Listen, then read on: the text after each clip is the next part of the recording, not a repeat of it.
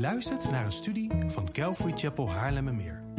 We bidden dat de Heer tot je zal spreken en je zult groeien in jouw persoonlijke relatie met de levende God. Bezoek voor meer informatie onze website calvarychapel.nl. Dat is C-A-L-V-A-R-Y-C-H-A-P-E-L.nl. Laten we nogmaals samen bidden. Heere God, dank u wel dat wij vanmorgen samen mogen komen. Al is het op verschillende plekken, Heere, uw geest maakt ons één. Wij zijn verbonden aan elkaar door de geest die in ons woont. En ik dank u, Heer, daarvoor. Dank u voor het voorrecht dat wij u mogen bezingen. Dat, dat wij samen mogen zijn om uw woord te openen. Heer, want u heeft ons, of van ons gevraagd. Het is eigenlijk een gebod om u lief te hebben met heel ons hart, ziel, kracht en verstand. En vanmorgen willen wij u blijven aanbidden. Vader, door u, u te aanbidden met ons hart en met ons verstand. Heer, wanneer wij uw woord openen, help ons, Heer. Ik bid voor elk huishouden die meekijkt, elke verbinding, dat ook de techniek het niet zal uh, uh, ja, nalaten, Heer, maar dat ook elk persoon vanmorgen, wie kijkt, wie nu kijkt, maar wie ook straks zal kijken. Vader, dat u een werk in hun vandaag zal doen. Heer, dat uw woord niet ledig tot u terug zal keren, maar dat u uw woord voort zal laten gaan in de kracht van uw geest. Zodat u de harten en de levens en de gezindheid van uw kinderen, vader, zal veranderen. Zodat wij steeds meer op Jezus Christus zullen gaan lijken in deze duistere wereld. Vader, want de wereld heeft Jezus Christus nodig. Hier is zo hard nodig. En wij, wij zijn ertoe geroepen om uw handen, uw voeten, uw, uw spreekbuis, uw oren, uw hart te zijn in deze wereld. Uw compassie. Dus doe een werk van on, vanmorgen in ons, waardoor wij veranderd zullen worden, waardoor wij meer in deze wereld het, de geur van Jezus Christus zullen gaan verspreiden. Tot eer en glorie van uw naam. Heer, wees met alle kinderen in de woonkamers. Laat uw vrede en uw rust ook heersen. Overal waar wij uh, nu samenkomen. Heer, geef ons vrede in onze gedachten. Vrede die alle verstand te boven gaat. Hier omwille van uw naam.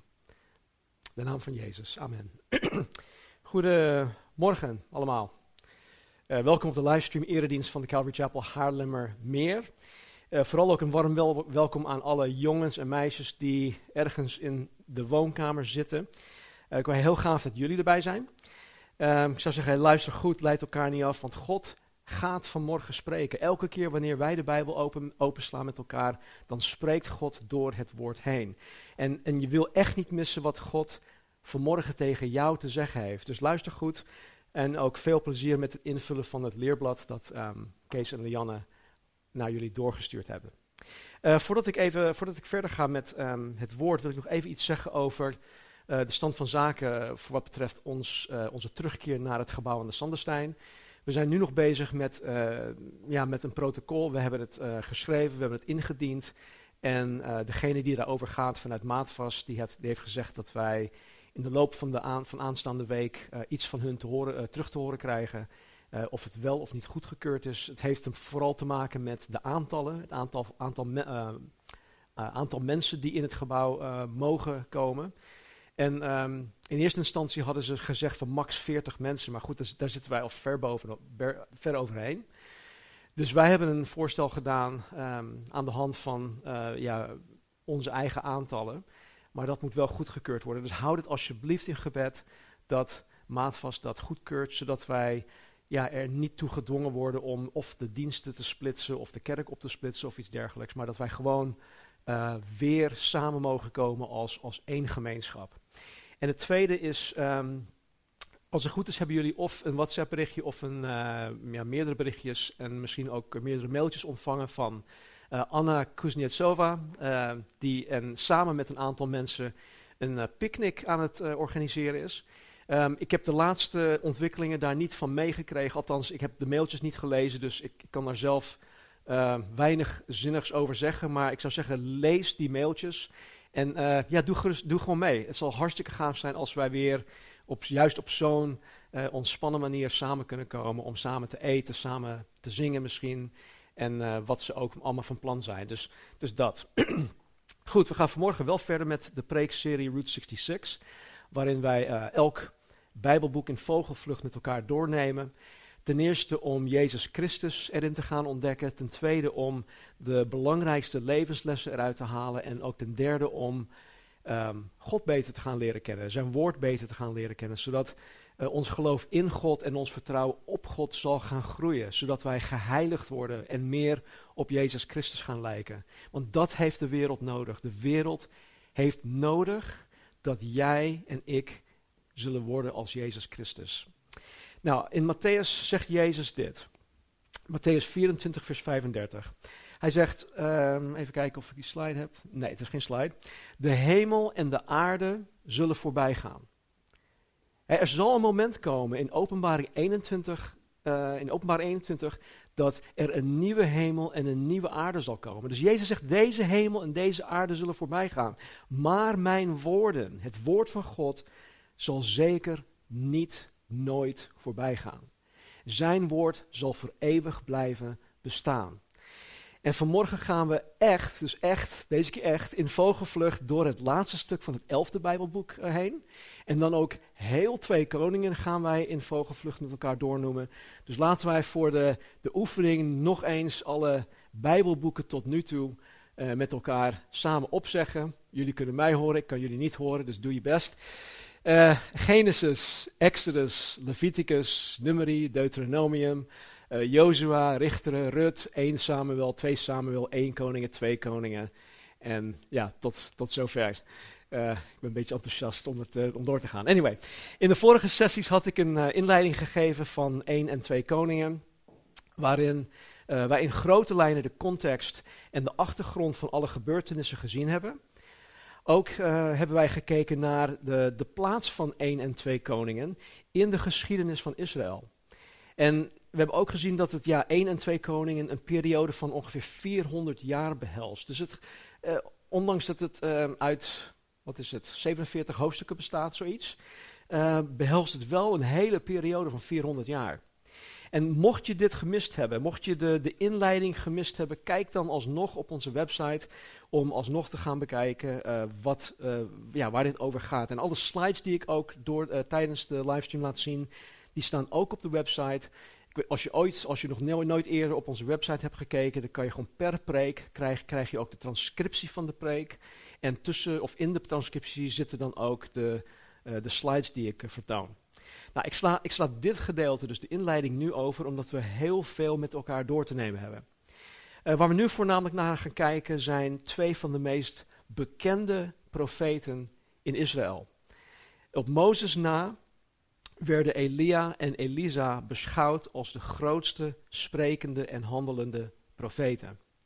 Nou, Elia, Elisa, één lettertje verschil, dat is heel uh, makkelijk om, om het door elkaar te halen. Als je de Hebreeuwse namen uh, onthoudt, dan is het wat makkelijker. Elia heet Eliahu, Elisa heet uh, Elisha volgens mij.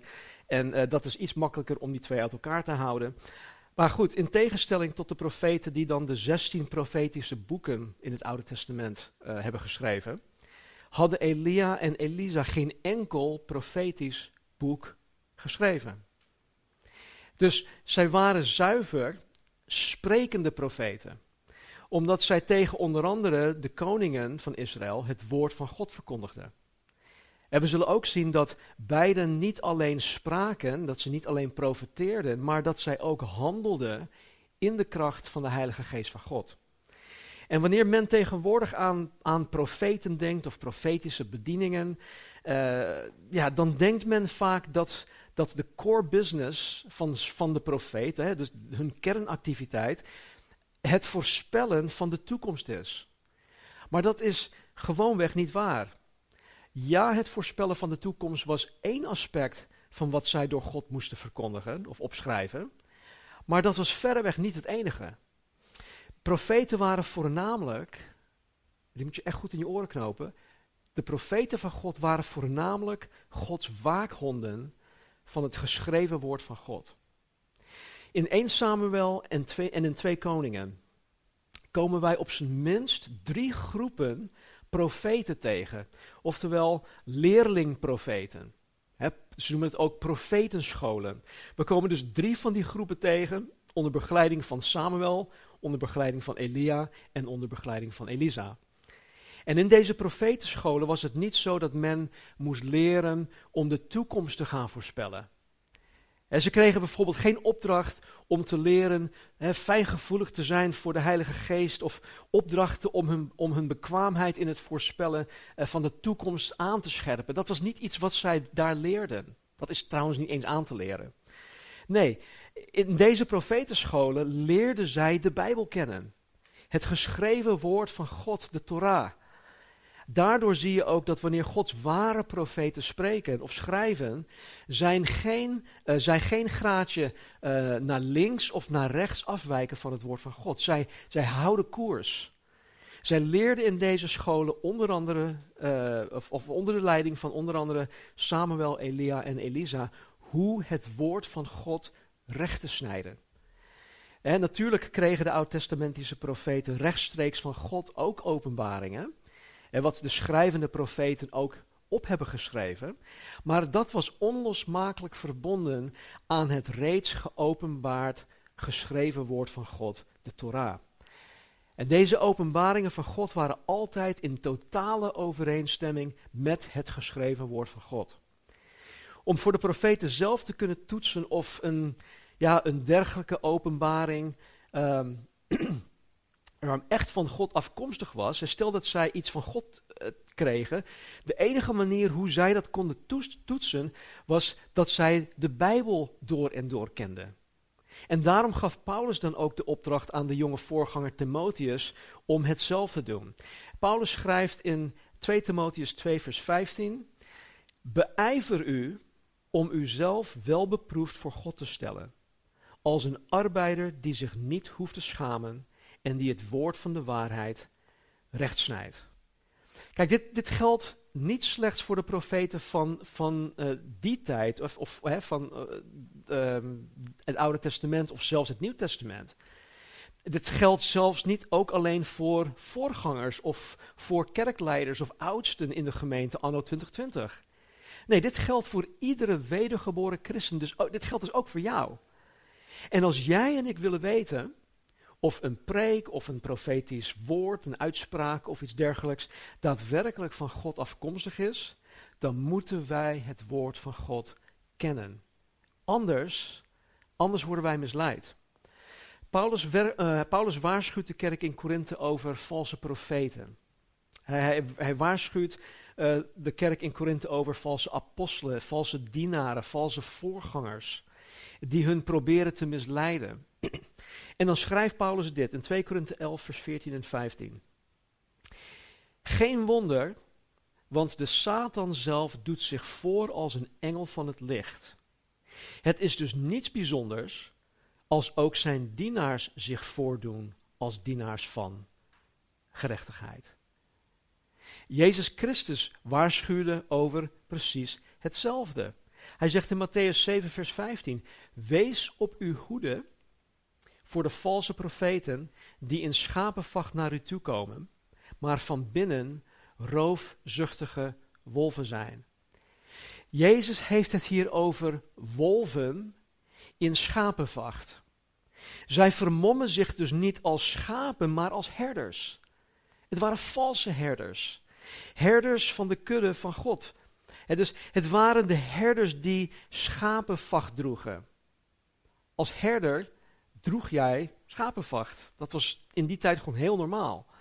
En dus de, de wolven waarover Jezus het heeft, zijn wolven die zich vermommen als, als herders. Maar dit waren valse herders. Um, even kijken hoor. Volgens mij werkte de, slide, de slides tot nu toe niet. Nu wel? Oké. Goed.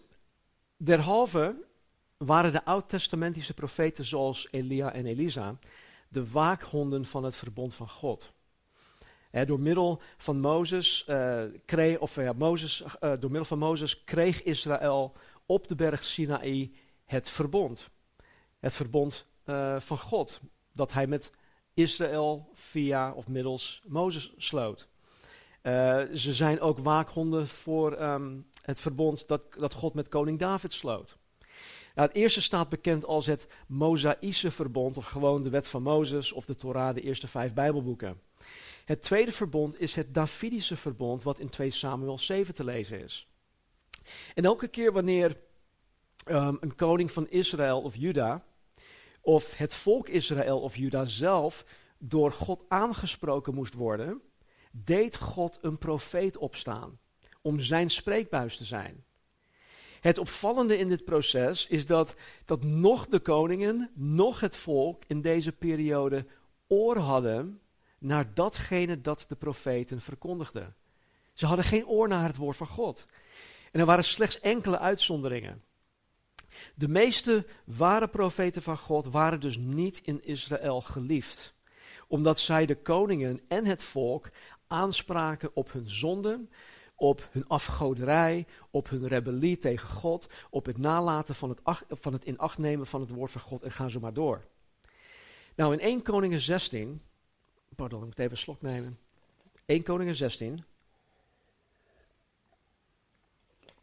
komt uh, een zekere koning Agab aan het bewind. En dan staat er dit over hem geschreven. En Agab, de zoon van Omri, werd koning over Israël en regeerde over Israël in Samaria. 22 jaar. Agab, de zoon van Omri, deed wat slecht was in de ogen van de Heere, meer dan allen die er voor hem geweest waren. Koning Agab van het Noordelijk Rijk, Israël, was de allerslechtste koning dat Israël ooit heeft gehad. En door toedoen van zijn vrouw Izebel heeft hij Baal-aanbidding in Israël ingevoerd. En waardoor het volk steeds verder van God afvallig werd. En dan zien wij in vers 1 van hoofdstuk 17 ineens Elia de Tisbiet opstaan. Hij, hij komt ineens uit, uit het niets op het toneel. En het eerste dat hij namens God doet, is een profetisch woord uitspreken tegen koning Agab. Even kijken hoor, heb ik die wel of niet? Hmm. Ja.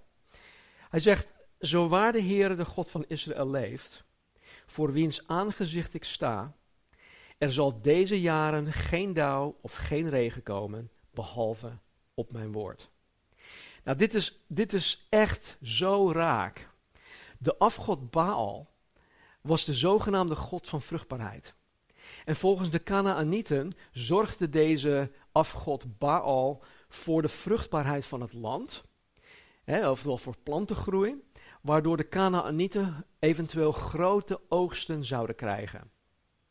En nu aanbidt koning Agab en heel het volk Israël dus ook deze um, God van de vruchtbaarheid.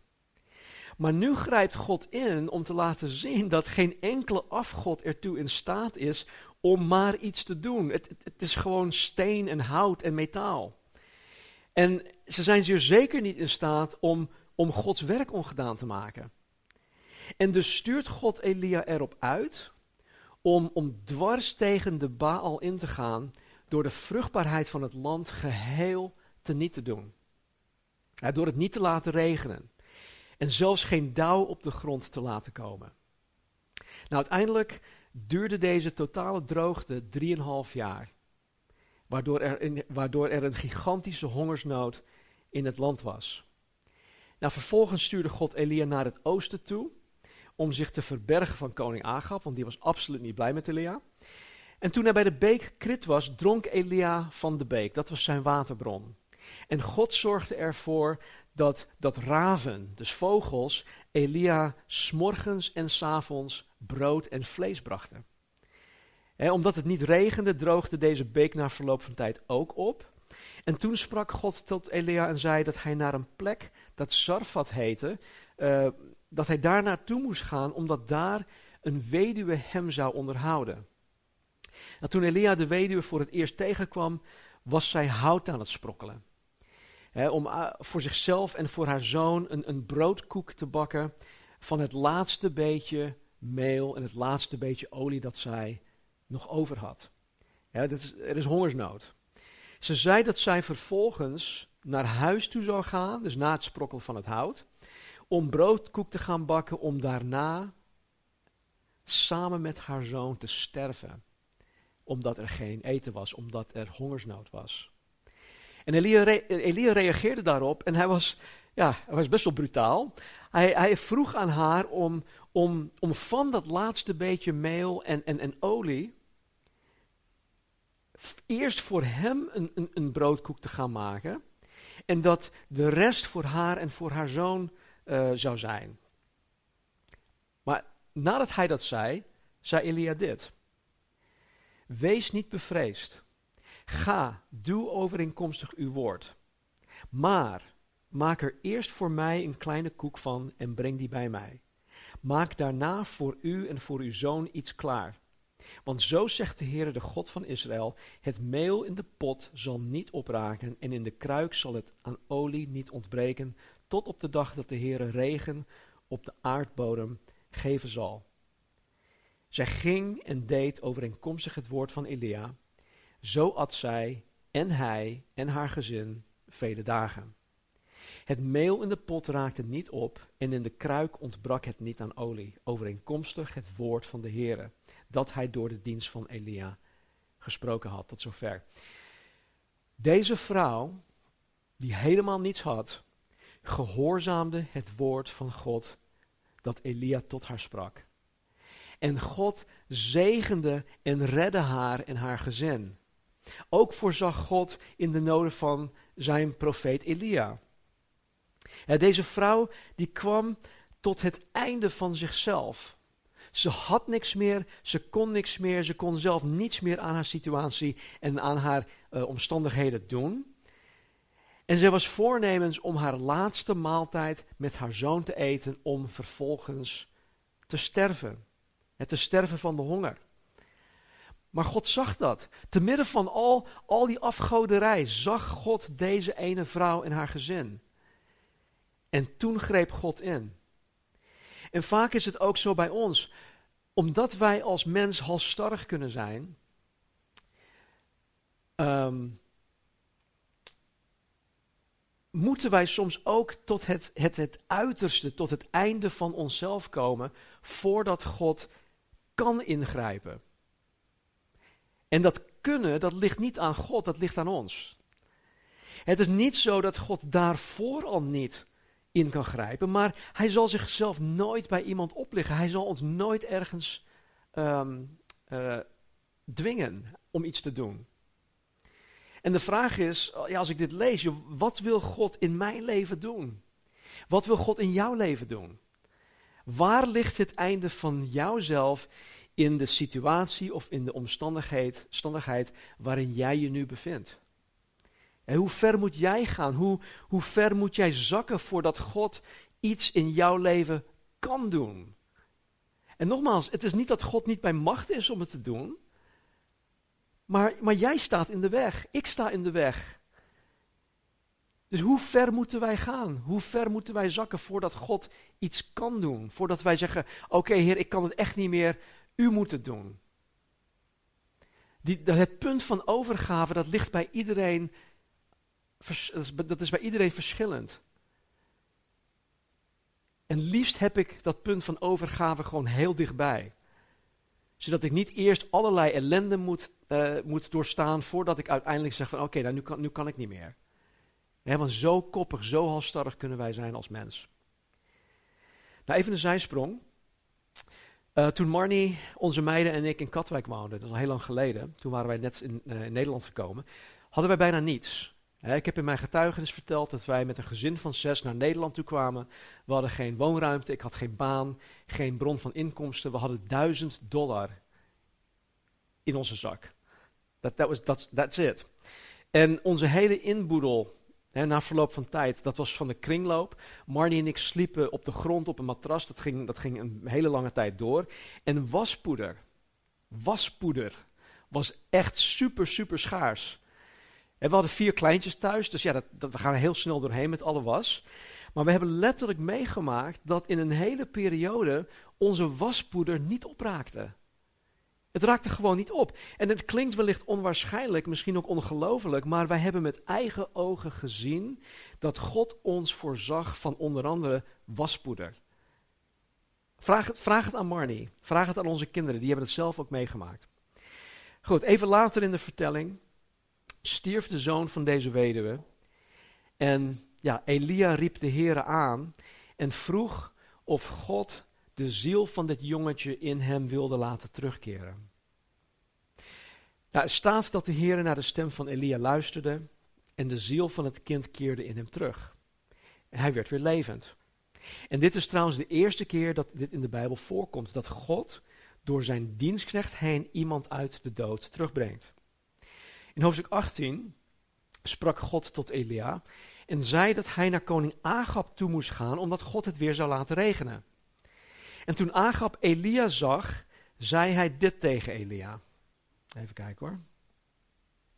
Bent u degene die Israël in het ongeluk stort? Toen zei Elia, ik heb Israël niet in het ongeluk gestort, maar u in het huis van uw vader, doordat u de geboden van de Heere verliet en achter de Baals aangegaan bent. Nu dan, stuur boden, breng heel Israël bijeen, bij mij, op de berg Karmel, met de 450 profeten van de Baal en de 400 profeten van Asherah, die aan de tafel van Izebel zitten. Daarop stuurde Agab boden naar alle Israëlieten en bracht de profeten op de berg Karmel bijeen. Tot zover.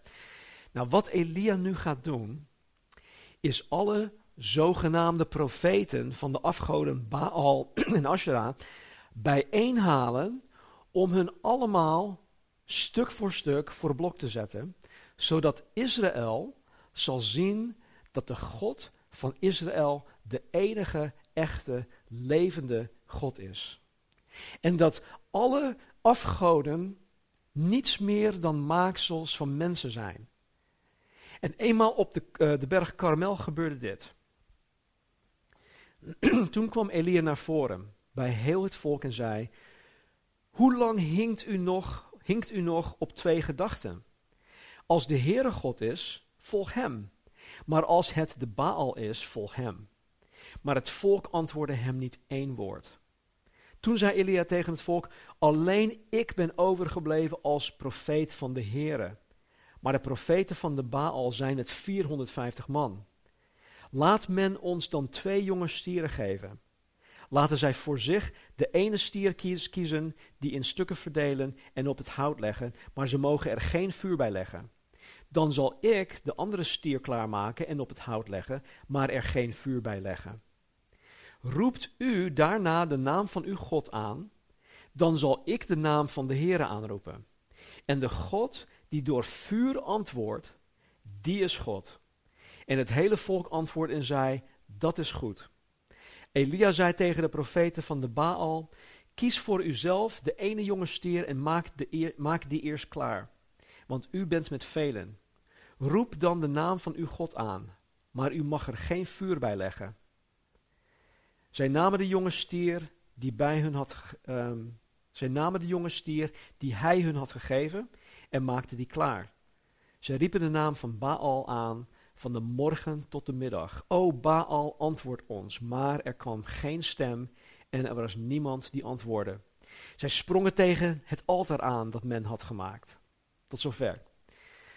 Nou, ze zijn daar al bezig, de hele ochtend tot aan de middag aan toe.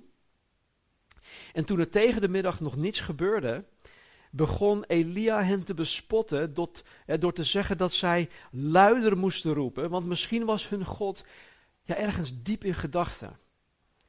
En dan staat er, dat, dat, dat, uh, het staat niet in de Nederlandse vertaling verwoord, maar in de, in de grondtekst staat er letterlijk dat uh, Elia zegt, ja misschien zit hij wel op de wc. Hè, of dat misschien was hij wel op reis of dat hij aan het slapen was. En toen riepen de zogenaamde profeten van Baal luider en zij begonnen zichzelf met zwaarden en met speren uh, te snijden totdat het bloed over hen heen stroomde.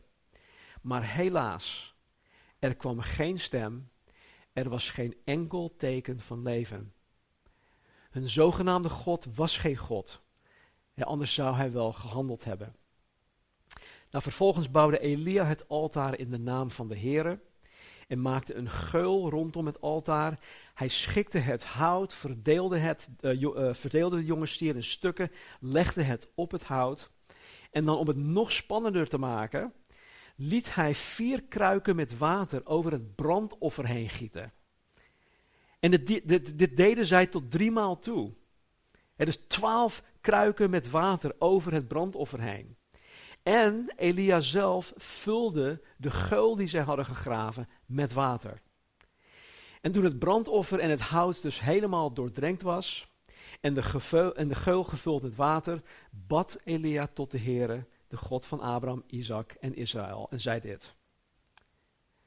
Laat het heden bekend worden dat u God bent in Israël en ik uw dienaar en dat ik al deze dingen overeenkomstig uw woord heb gedaan. Antwoord mij, heren, antwoord mij, zodat dit volk weet dat u, heren, de ware God bent en dat u hun hart tot inkeer hebt gebracht. Toen viel er vuur van de Heere neer, verteerde het brandoffer, het hout, de stenen en het stof, zelfs het water in de geul likte het op. En toen heel het volk het zag, wierpen zij zich met hun gezicht ter aarde en zeiden, de Heere is God, de Heere is God. Tot zover. God had zich op dit moment toch wel heel sterk aan Elia en aan het volk bewezen. En het gevolg daarvan was dat het volk een vluchtig moment van inkeer had. Want hierna gingen ze weer gewoon door met hun oude leven. En meteen liet Elia 450 zogenaamde profeten van Baal doden. En, en, en na drieënhalf jaar uh, geen druppeltje regen gezien te hebben, geen dauw op de grond, uh, zoals God dat had bepaald, ging het kort daarna regenen, zoals God dat ook had gezegd. Nou, in hoofdstuk 19 lezen wij dat Agab zijn vrouw Izebel alles vertelde, hè, wat er gebeurd was, en hoe Elia al hun profeten met het zwaard uh, had gedood.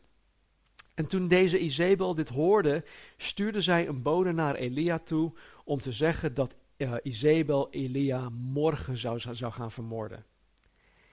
En toen Elia dit te horen kreeg, vreesde hij voor zijn leven. En hij ging op de vlucht.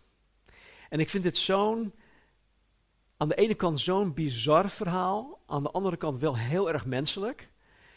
want vooral omdat God zich juist zo krachtig aan Elia had bewezen, zou hij, denk ik, zoiets moeten hebben van: hey, u hebt vuur uit de hemel laten komen, wat kan deze vrouw mij nog aandoen? Maar zo dacht hij niet. Hij werd bevangen door angst voor deze vrouw. En Elia, uh, die, die ging naar de woestijn toe. En wat deed hij? Hij was zo ontmoedigd. En ontmoediging is echt de, de grootste, uh, het grootste wapen dat Satan gebruikt om de kinderen van God eronderuit te halen, is ontmoediging. Hij was zo ontmoedigd dat hij tot God bad om te mogen sterven. Hij ging de woestijn in en vroeg: Oh God, maak me alsjeblieft dood. Ik wil niet langer leven. Hij was zo depri en hij dacht dat hij de enige in Israël was die God nog trouw gebleven was. Maar ondanks Elia's angst en ongeloof kwam God hem tegemoet. God kwam hem tegemoet. God voorzag Elia van eten en drinken en vroeg aan, aan, Elia: Wat doe je hier, Elia? Wat doe je hier op deze plek? En Elia antwoordde en zei: Ik heb mij zeer voor de Heere, de God van de legermachten, ingezet. De Israëlieten hebben immers uw verbond verlaten, uw altaren omvergehaald en uw profeten met het zwaard gedood. Ik alleen ben overgebleven.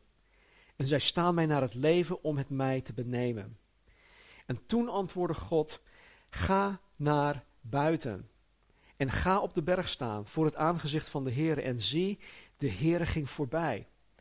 En een grote en sterke wind die bergen spleet en rotsen in stukken brak voor het aangezicht van de Heer uit. Maar de Heer was niet in de wind. Na deze wind kwam er een aardbeving. Maar de Heer was ook niet in de aardbeving. Op de aardbeving volgde een vuur, maar de Heer was ook niet in het vuur. En na het vuur kwam het suizen van een zachte stilte. En het gebeurde toen Elia dat hoorde, dat hij zijn gezicht met zijn mantel omwikkelde, naar buiten ging en in de ingang van de grot bleef staan. En zie, een stem kwam tot hem die zei, wat doet u hier, Elia? Tot zover. Wat wij hierin zien, is dat God zichzelf niet aan Elia openbaarde op een overdreven of op een uitbundige manier. in de wind of in de aardbeving of het vuur. Nee, God openbaarde zichzelf aan Elia door het suizen van een zachte stilte. In de grondtekst staat letterlijk dat God zichzelf aan Elia openbaarde door middel van een stille kleine stem. En weet je, als je op zoek bent naar God, in, in, in overdreven en uitbundige manifestaties, wat in vele, ja, vooral de hypercharismatische kringen plaatsvindt, dan zal je niet alleen bedrogen uitkomen. Als je God op die manier zoekt, als je dat soort manifestaties zoekt, je zal hoogstwaarschijnlijk ook nog eens misleid worden. Denkende dat al die manifestaties van God zijn, maar dat, dat is niet zo. Want wat we gelezen hebben is dat de Satan zelf zichzelf als een, een engel van het licht kan vermommen. En zijn dienstknechten ook. God hoeft zichzelf als de Almachtige niet uitbundig te bewijzen. Dat hoeft hij niet. Jezus zei van zichzelf dat aan hem alle macht in de hemel en op aarde gegeven is. Alle macht is hem gegeven, in hemel en op aarde. En wat deed hij? Hij waste de voeten van zijn discipelen. er was een moment dat Johannes en, en, en Jacobus, de, de, twee zoons van Zebedeus, in een stad kwamen. Volgens mij was het in Samaria. En ze geloofden niet. En, en ze zeiden, heer, laat, zoals Elia, laat, laat vuur uit de hemel komen. Jezus zei, jongens, even dimmen, eh, zo ga ik niet te werk. Hij kon het wel, maar hij deed het niet.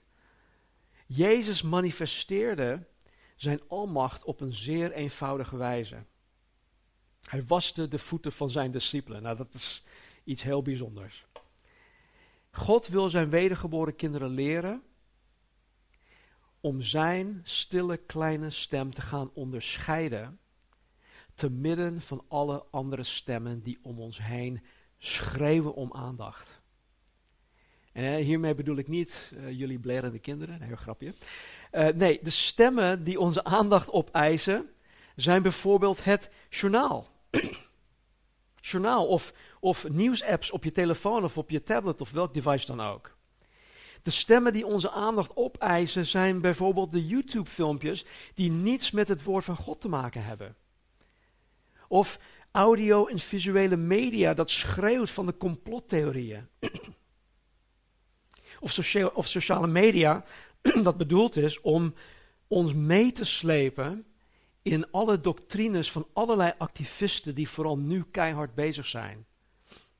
Al deze stemmen zijn bedoeld om de stem van God te verdringen. En als je Gods stem wil leren kennen, dat stille kleine stem, stemmetje, dan kan dat alleen als je het woord van God gaat leren kennen. Wanneer je in alle oprechtheid God in zijn woord zoekt en najaagt, dan zal God door middel van zijn stille kleine stem tot jouw hart spreken.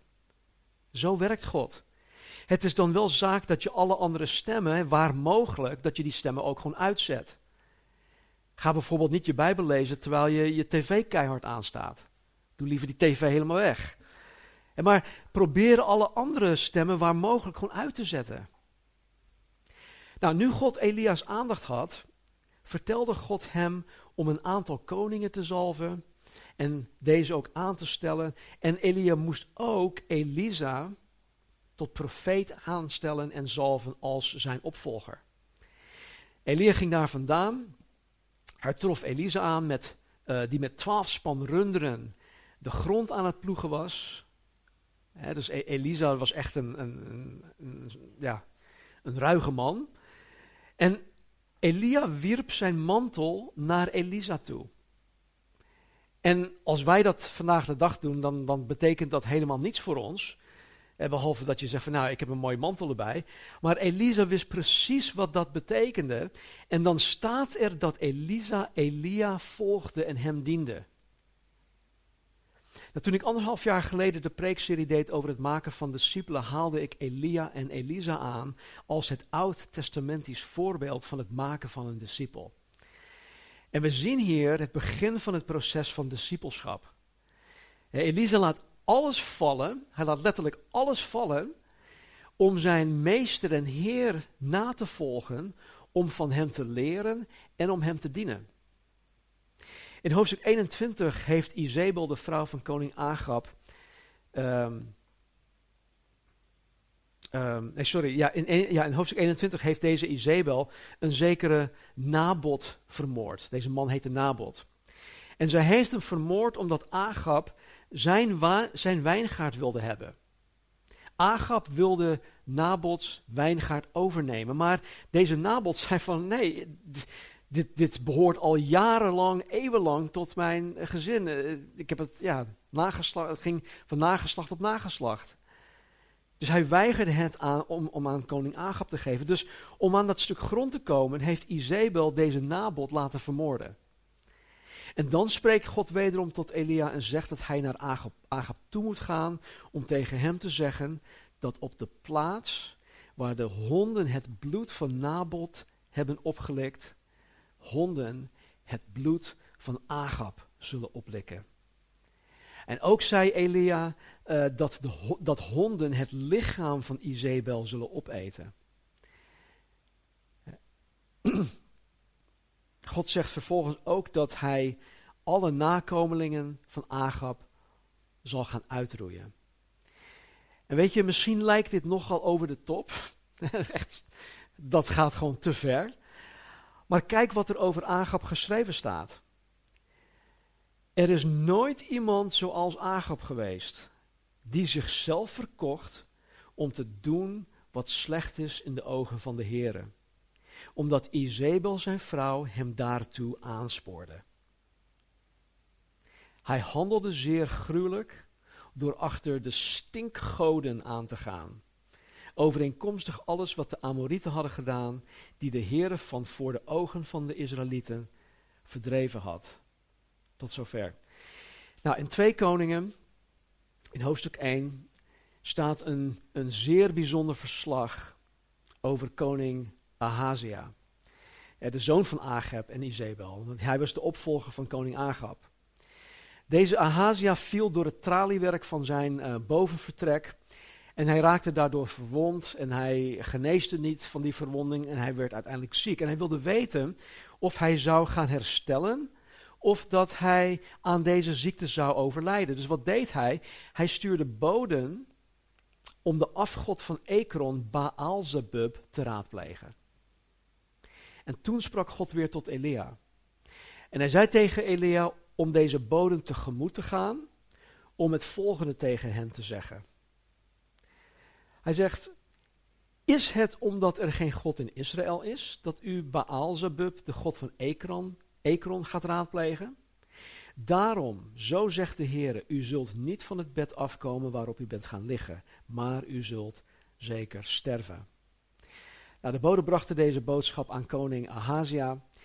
En omdat de koningen van Israël Elia als hun vijand beschouwden, liet Ahazia Elia halen door een hoofdman van 50 plus nog 50 andere soldaten. Dus het was echt een, best wel rigoureus om met 51 soldaten Elia op te gaan, uh, of uh, mee te gaan nemen, te arresteren. En dan staat er dit in uh, vers 9 en 10. Toen deze naar, dus deze hoofdman met 50 naar um, Elia toeklom, want zie, Elia zat op de top van een berg, sprak hij tot hem. Man Gods, de koning heeft gesproken, kom naar beneden. Maar Elia antwoordde en sprak tot de hoofdman over vijftig, als ik een man Gods ben, laat er dan vuur uit de hemel neerkomen en u en uw vijftigtal verteren. Toen kwam er vuur uit de hemel neer en dat verteerde hem en zijn vijftigtal. Nou, dit gebeurde hierna nog een keer. En de derde keer dat Ahazia 51 soldaten naar Elia toestuurde, boog deze, deze hoofdman voor Elia neer en hij smeekte hem om hem in leven te laten. Hem en zijn mannen. En op dat moment sprak God tot Elia en hij zei dat hij deze keer met de mannen mee moest gaan. Ehm, en ja, wat Elia uiteindelijk ook deed. Dus hij, hij vertelde op dit moment dus de koning nu zelf wat God al eerder tegen hem gezegd had. En Ahazia stierf overeens, overeenkomstig het woord van God. Dus we zien gewoon dat, dat God deze profeet ehm, ja, als waakhond van het verbond, als waakhond van het woord van God, elke keer opnieuw het volk en de koningen op hun gedrag aanspreekt. En in hoofdstuk 2, vers 1 staat dit. Het gebeurde nu toen de Heere Elia in een storm zou opnemen in de hemel, dat Elia met Elisa uit Gilgal wegging. Dus nadat Elia en Elisa uit Gilgal weggingen, kwamen de leerlingprofeten uit Bethel naar Elisa toe en ze zeiden dat God zijn meester van hem weg zal halen. En dit gebeurde ook met de leerlingprofeten uit Jericho. Het was voor Elisa dus heel duidelijk geworden dat Elia van hem weggenomen zou worden.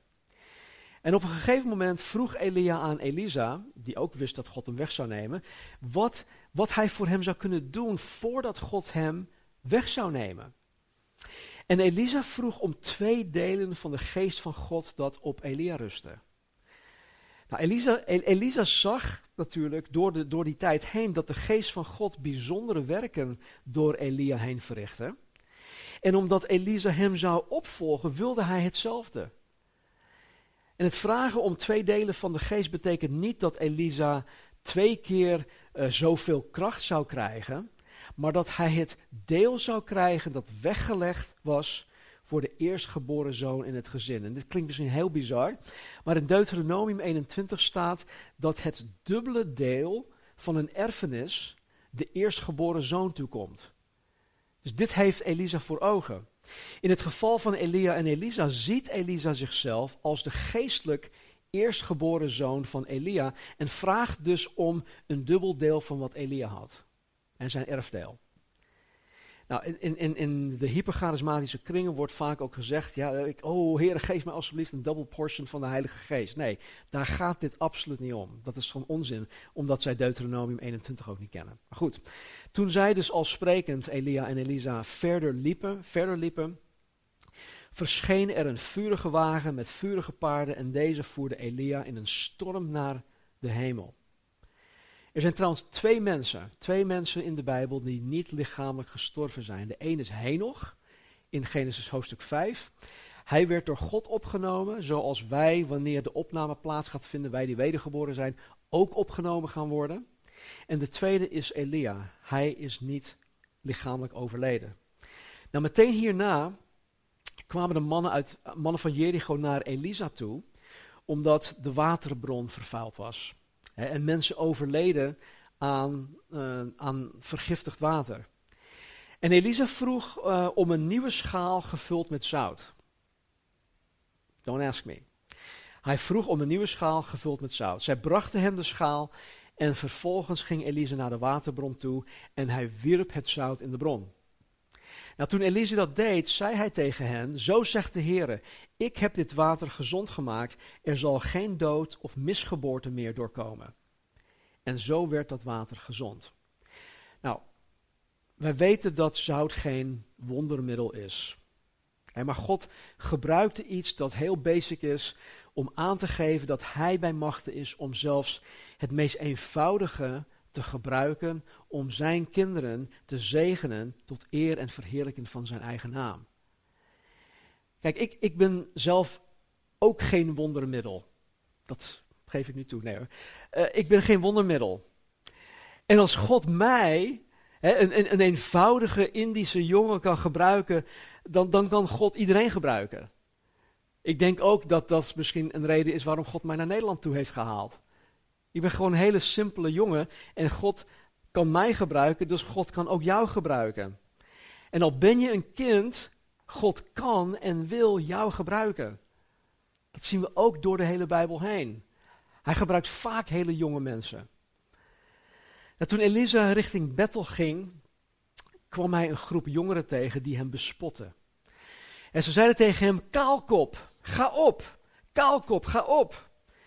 Dan staat er dat Elisa hen vervloekte in de naam van de Heere, waardoor twee beren uit het woud kwamen en 42 van deze jongeren verscheurden. Nou, ook dit klinkt echt over de top. Nou, helaas staat er in de herziene statenvertaling, en misschien ook andere Nederlandse vertaling, dat het om kleine jongens ging.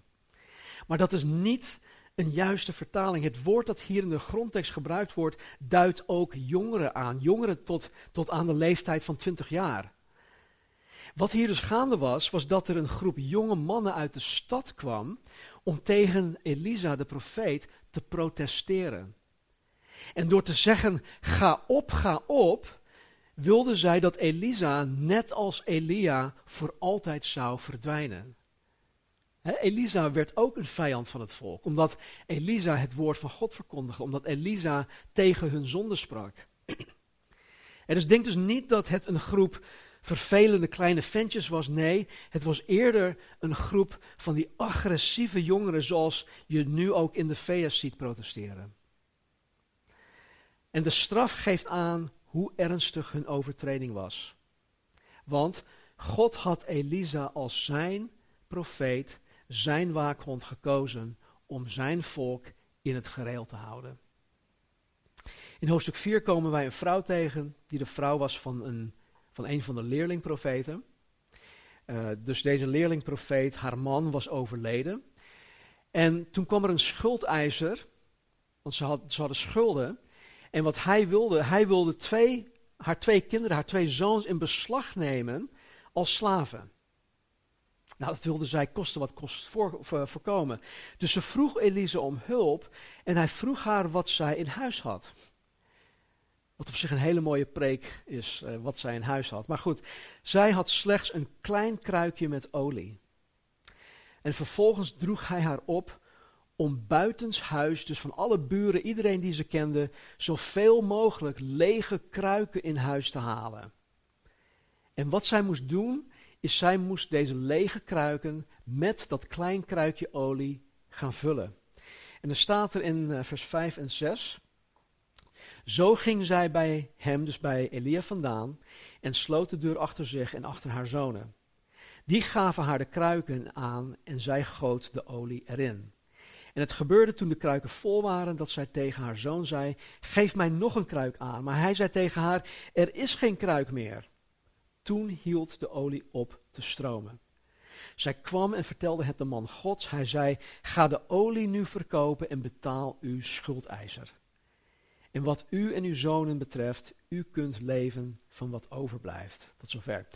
En dit is alweer zo'n prachtig wonder waarin wij zien uh, dat God te midden van een afvallig volk voor de zijne zorgt. En wat mij hierin opvalt, is dat God de olie liet blijven vloeien, zolang er een lege kruik was dat gevuld kon worden met die olie. En ik zie hier een parallel, omdat wanneer wij vervuld willen worden met de Heilige Geest, wanneer wij willen wandelen en handelen in de Geest, wanneer wij tot in de kleinste details van ons leven geleid willen worden door de Heilige Geest, dan moet Hij ons kunnen vervullen. Met andere woorden, wij moeten leeg zijn, leeg van onszelf. Wij moeten, wij moeten een lege kruik zijn. Wij moeten niet vol van onszelf zijn. Vol van onze eigen wijsheid, eigen kennis, eigen dunk, noem maar op. Maar wij moeten ruimte maken in ons wezen en in ons leven, zodat de geest in ons kan vloeien en door ons heen kan werken. Wij zijn als het ware doorgeefluiken. Wij ontvangen het van God en het stroomt vanuit ons binnenste naar de mensen en de wereld om ons heen. En dat wil God in ons en door ons bewerkstelligen. Er moet ruimte zijn in ons voor het woord van God. En vandaar dat Paulus schrijft dat, uh, dat wij het woord van eh, Christus rijkelijk in ons moeten laten wonen. en door het woord rijkelijk in ons te laten wonen, zo worden wij vervuld met zijn geest. En Johannes de Doper, die had dit gewoon echt goed door. Hij zei, Jezus moet meer worden en ik moet minder worden. Nou, in het resterende deel van hoofdstuk 4 tot en met 8 zien wij dat God zeer bijzondere wonderen uh, door de bediening van Elisa verricht.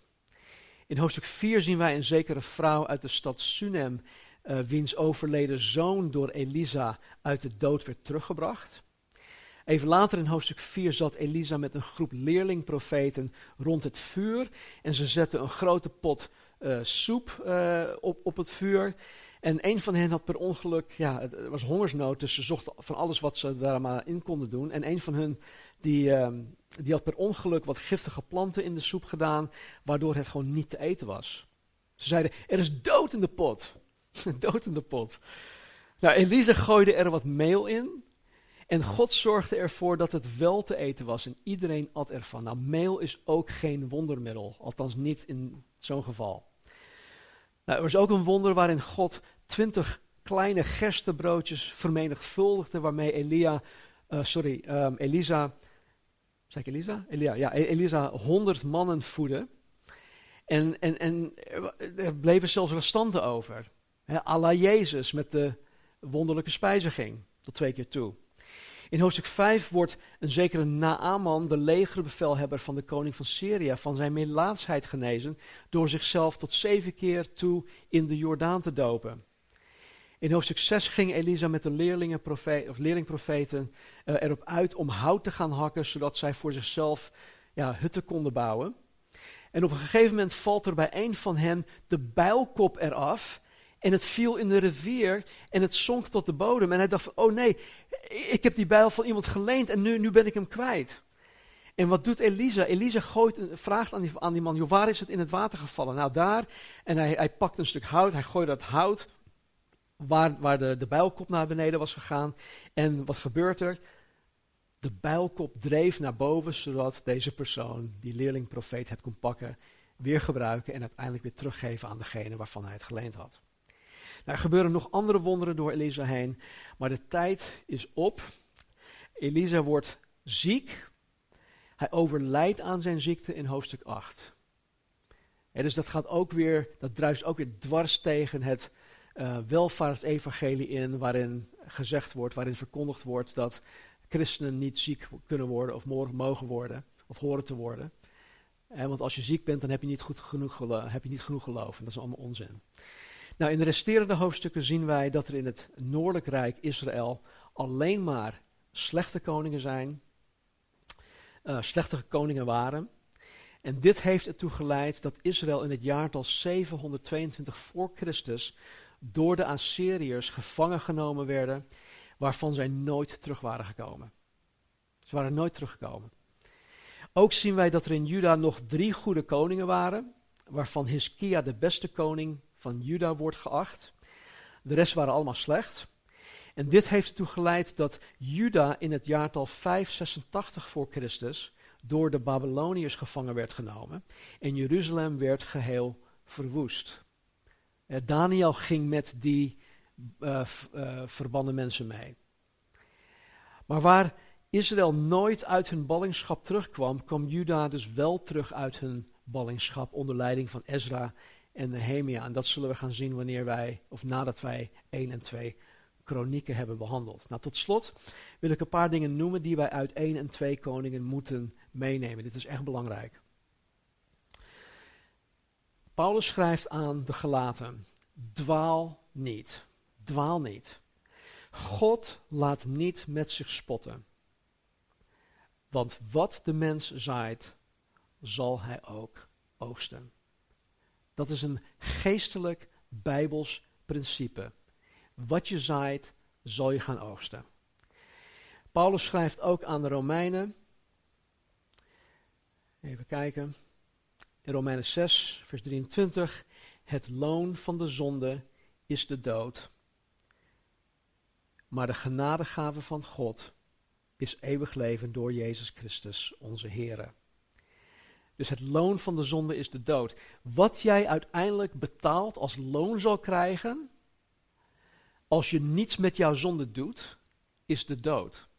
En, en, en dat zien wij in, in, in, in, in, uh, in 1 en 2 Koningen. De mensen in 1 en 2 Koningen, voordat Jezus Christus nog aan het kruis stierf voor de zonde van alle mensheid, voor alle mensen, um, moest men voor een eigen zonde sterven. Dus het loon van de zonde is de dood. Maar wat ook heel duidelijk is, is dat ondanks alle afvalligheid en rebellie tegen God, is en blijft God genadig jegens degenen die hem navolgen. Is en blijft God genadig jegens degenen die zijn woord in acht nemen. En zoals de eerste twee principes, anno, 20, anno, anno 2020 gelden, geldt ook de laatste. En het maakt niet uit wat er in de wereld om ons heen allemaal gebeurt. Als jij Christus navolgt, als jij het woord van God, de Bijbel, leest, als jij het bestudeert, als jij het je eigen maakt en het in acht neemt, dan zal God zichzelf krachtig aan jou tonen. En als jij dit niet doet, dan word je meegesleurd in alles waarmee de wereld zich nu bezighoudt. En de keus laat God aan jou. De keuze is aan jou, de keuze is aan mij. Laten we samen bidden. Hemelse Vader, dank u wel dat u één en twee koningen, hier door de eeuwen heen, hier voor ons bewaard hebt.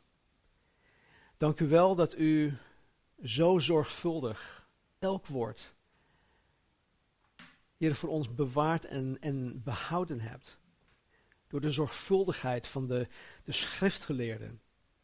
Degene die dit allemaal vastgelegd hebben. En dank u wel dat wij vandaag de dag, anno 2020, nog steeds zoveel rijke levenslessen hieruit kunnen halen. Heer, ik geloof dat u vanmorgen gesproken hebt. Dat uw Heilige Geest het woord van God in de harten van mensen heeft geplaatst. Dat het als een, als een tweesnijdend zwaard de harten van mensen heeft doorboord. Ik geloof dat uw woord tot ons doorgedrongen heeft. Dus Heer, laat dat woord niet ledig tot u terugkeren. Maar bereik in ons en door ons heen wat u wil. Met het ieder van ons. God, u bent een, een God van maatwerk. We hebben allemaal een, een, een speciale aanpak nodig. En u weet dat, u kent ons door en door. Dus doe alstublieft in ons, onder ons en door ons heen wat u bereiken wil. Heer, vergeef ons alstublieft waar we hebben nagelaten, Heer, om de Bijbel op te pakken. De Bijbel te lezen, de Bijbel te, bestuderen, uw woord in acht te nemen. Vergeef ons. En help ons om vandaag een radicale keus te maken. Om Jezus Christus na te volgen. Als Heer en Meester en Leider van ons leven. Om als het ware alles gewoon te laten vallen. Om U na te gaan volgen. Heer, misschien is het voor iemand de allereerste keer. Help die persoon om dat nu op dit moment te doen. En misschien is het voor iemand die al jarenlang in het christendom meedraait. Die zoiets van zichzelf heeft van, joh, maar ben ik wel een christen? Als ik, als ik al zo lang naar Stan uh, zit te luisteren en naar uh, wanneer hij het woord opent, als ik dat dan vergelijk met mijn werkelijkheid, mijn dagelijks leven, dan, dan klopt er iets niet. Dan komt mijn leven niet overeen met het woord dat verkondigd wordt. Vader, vergeef ons daarvoor en help zo'n persoon nu op dit moment om tot inkeer te komen. Heer, schenk zo'n persoon bekering en vervul hen met de geest en met uw woord en laat hen vandaag het allerbeste besluit nemen om u, koste wat kost, na te gaan volgen. Om zichzelf te verloochenen, het kruis op te nemen en u na te volgen. Heer, zodat wij allen, zoals de apostel Paulus kunnen zeggen, ik ben gekruisigd met Christus. Het is niet langer mijn eigen ik die leeft, maar het is Christus in mij. Die mij heeft liefgehad, die zichzelf voor mij heeft gegeven. Hij leeft in mij. Laat de geest van Christus in ons wonen. Laat het woord van Christus rijkelijk in ons wonen.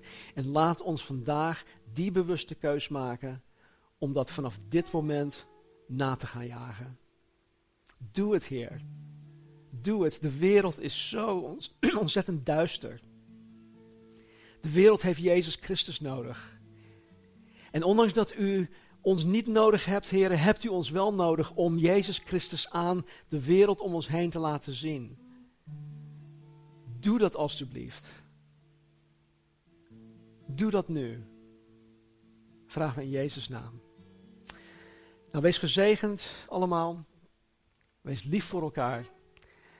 Bid voor de gemeente en voor onze toekomst ook in het gebouw. En ehm, bid dat God jou vanaf dit moment ook elke dag opnieuw, op zijn bijzondere wijze, dat de God van maatwerk jou zal sturen en leiden om zijn weg met jou te gaan. En dat hij jou zal leiden op zijn weg. Dus God zegen jullie, een gezegende week. We gaan nog afsluiten met een geweldig lied. Dat heet Living Hope. Amen.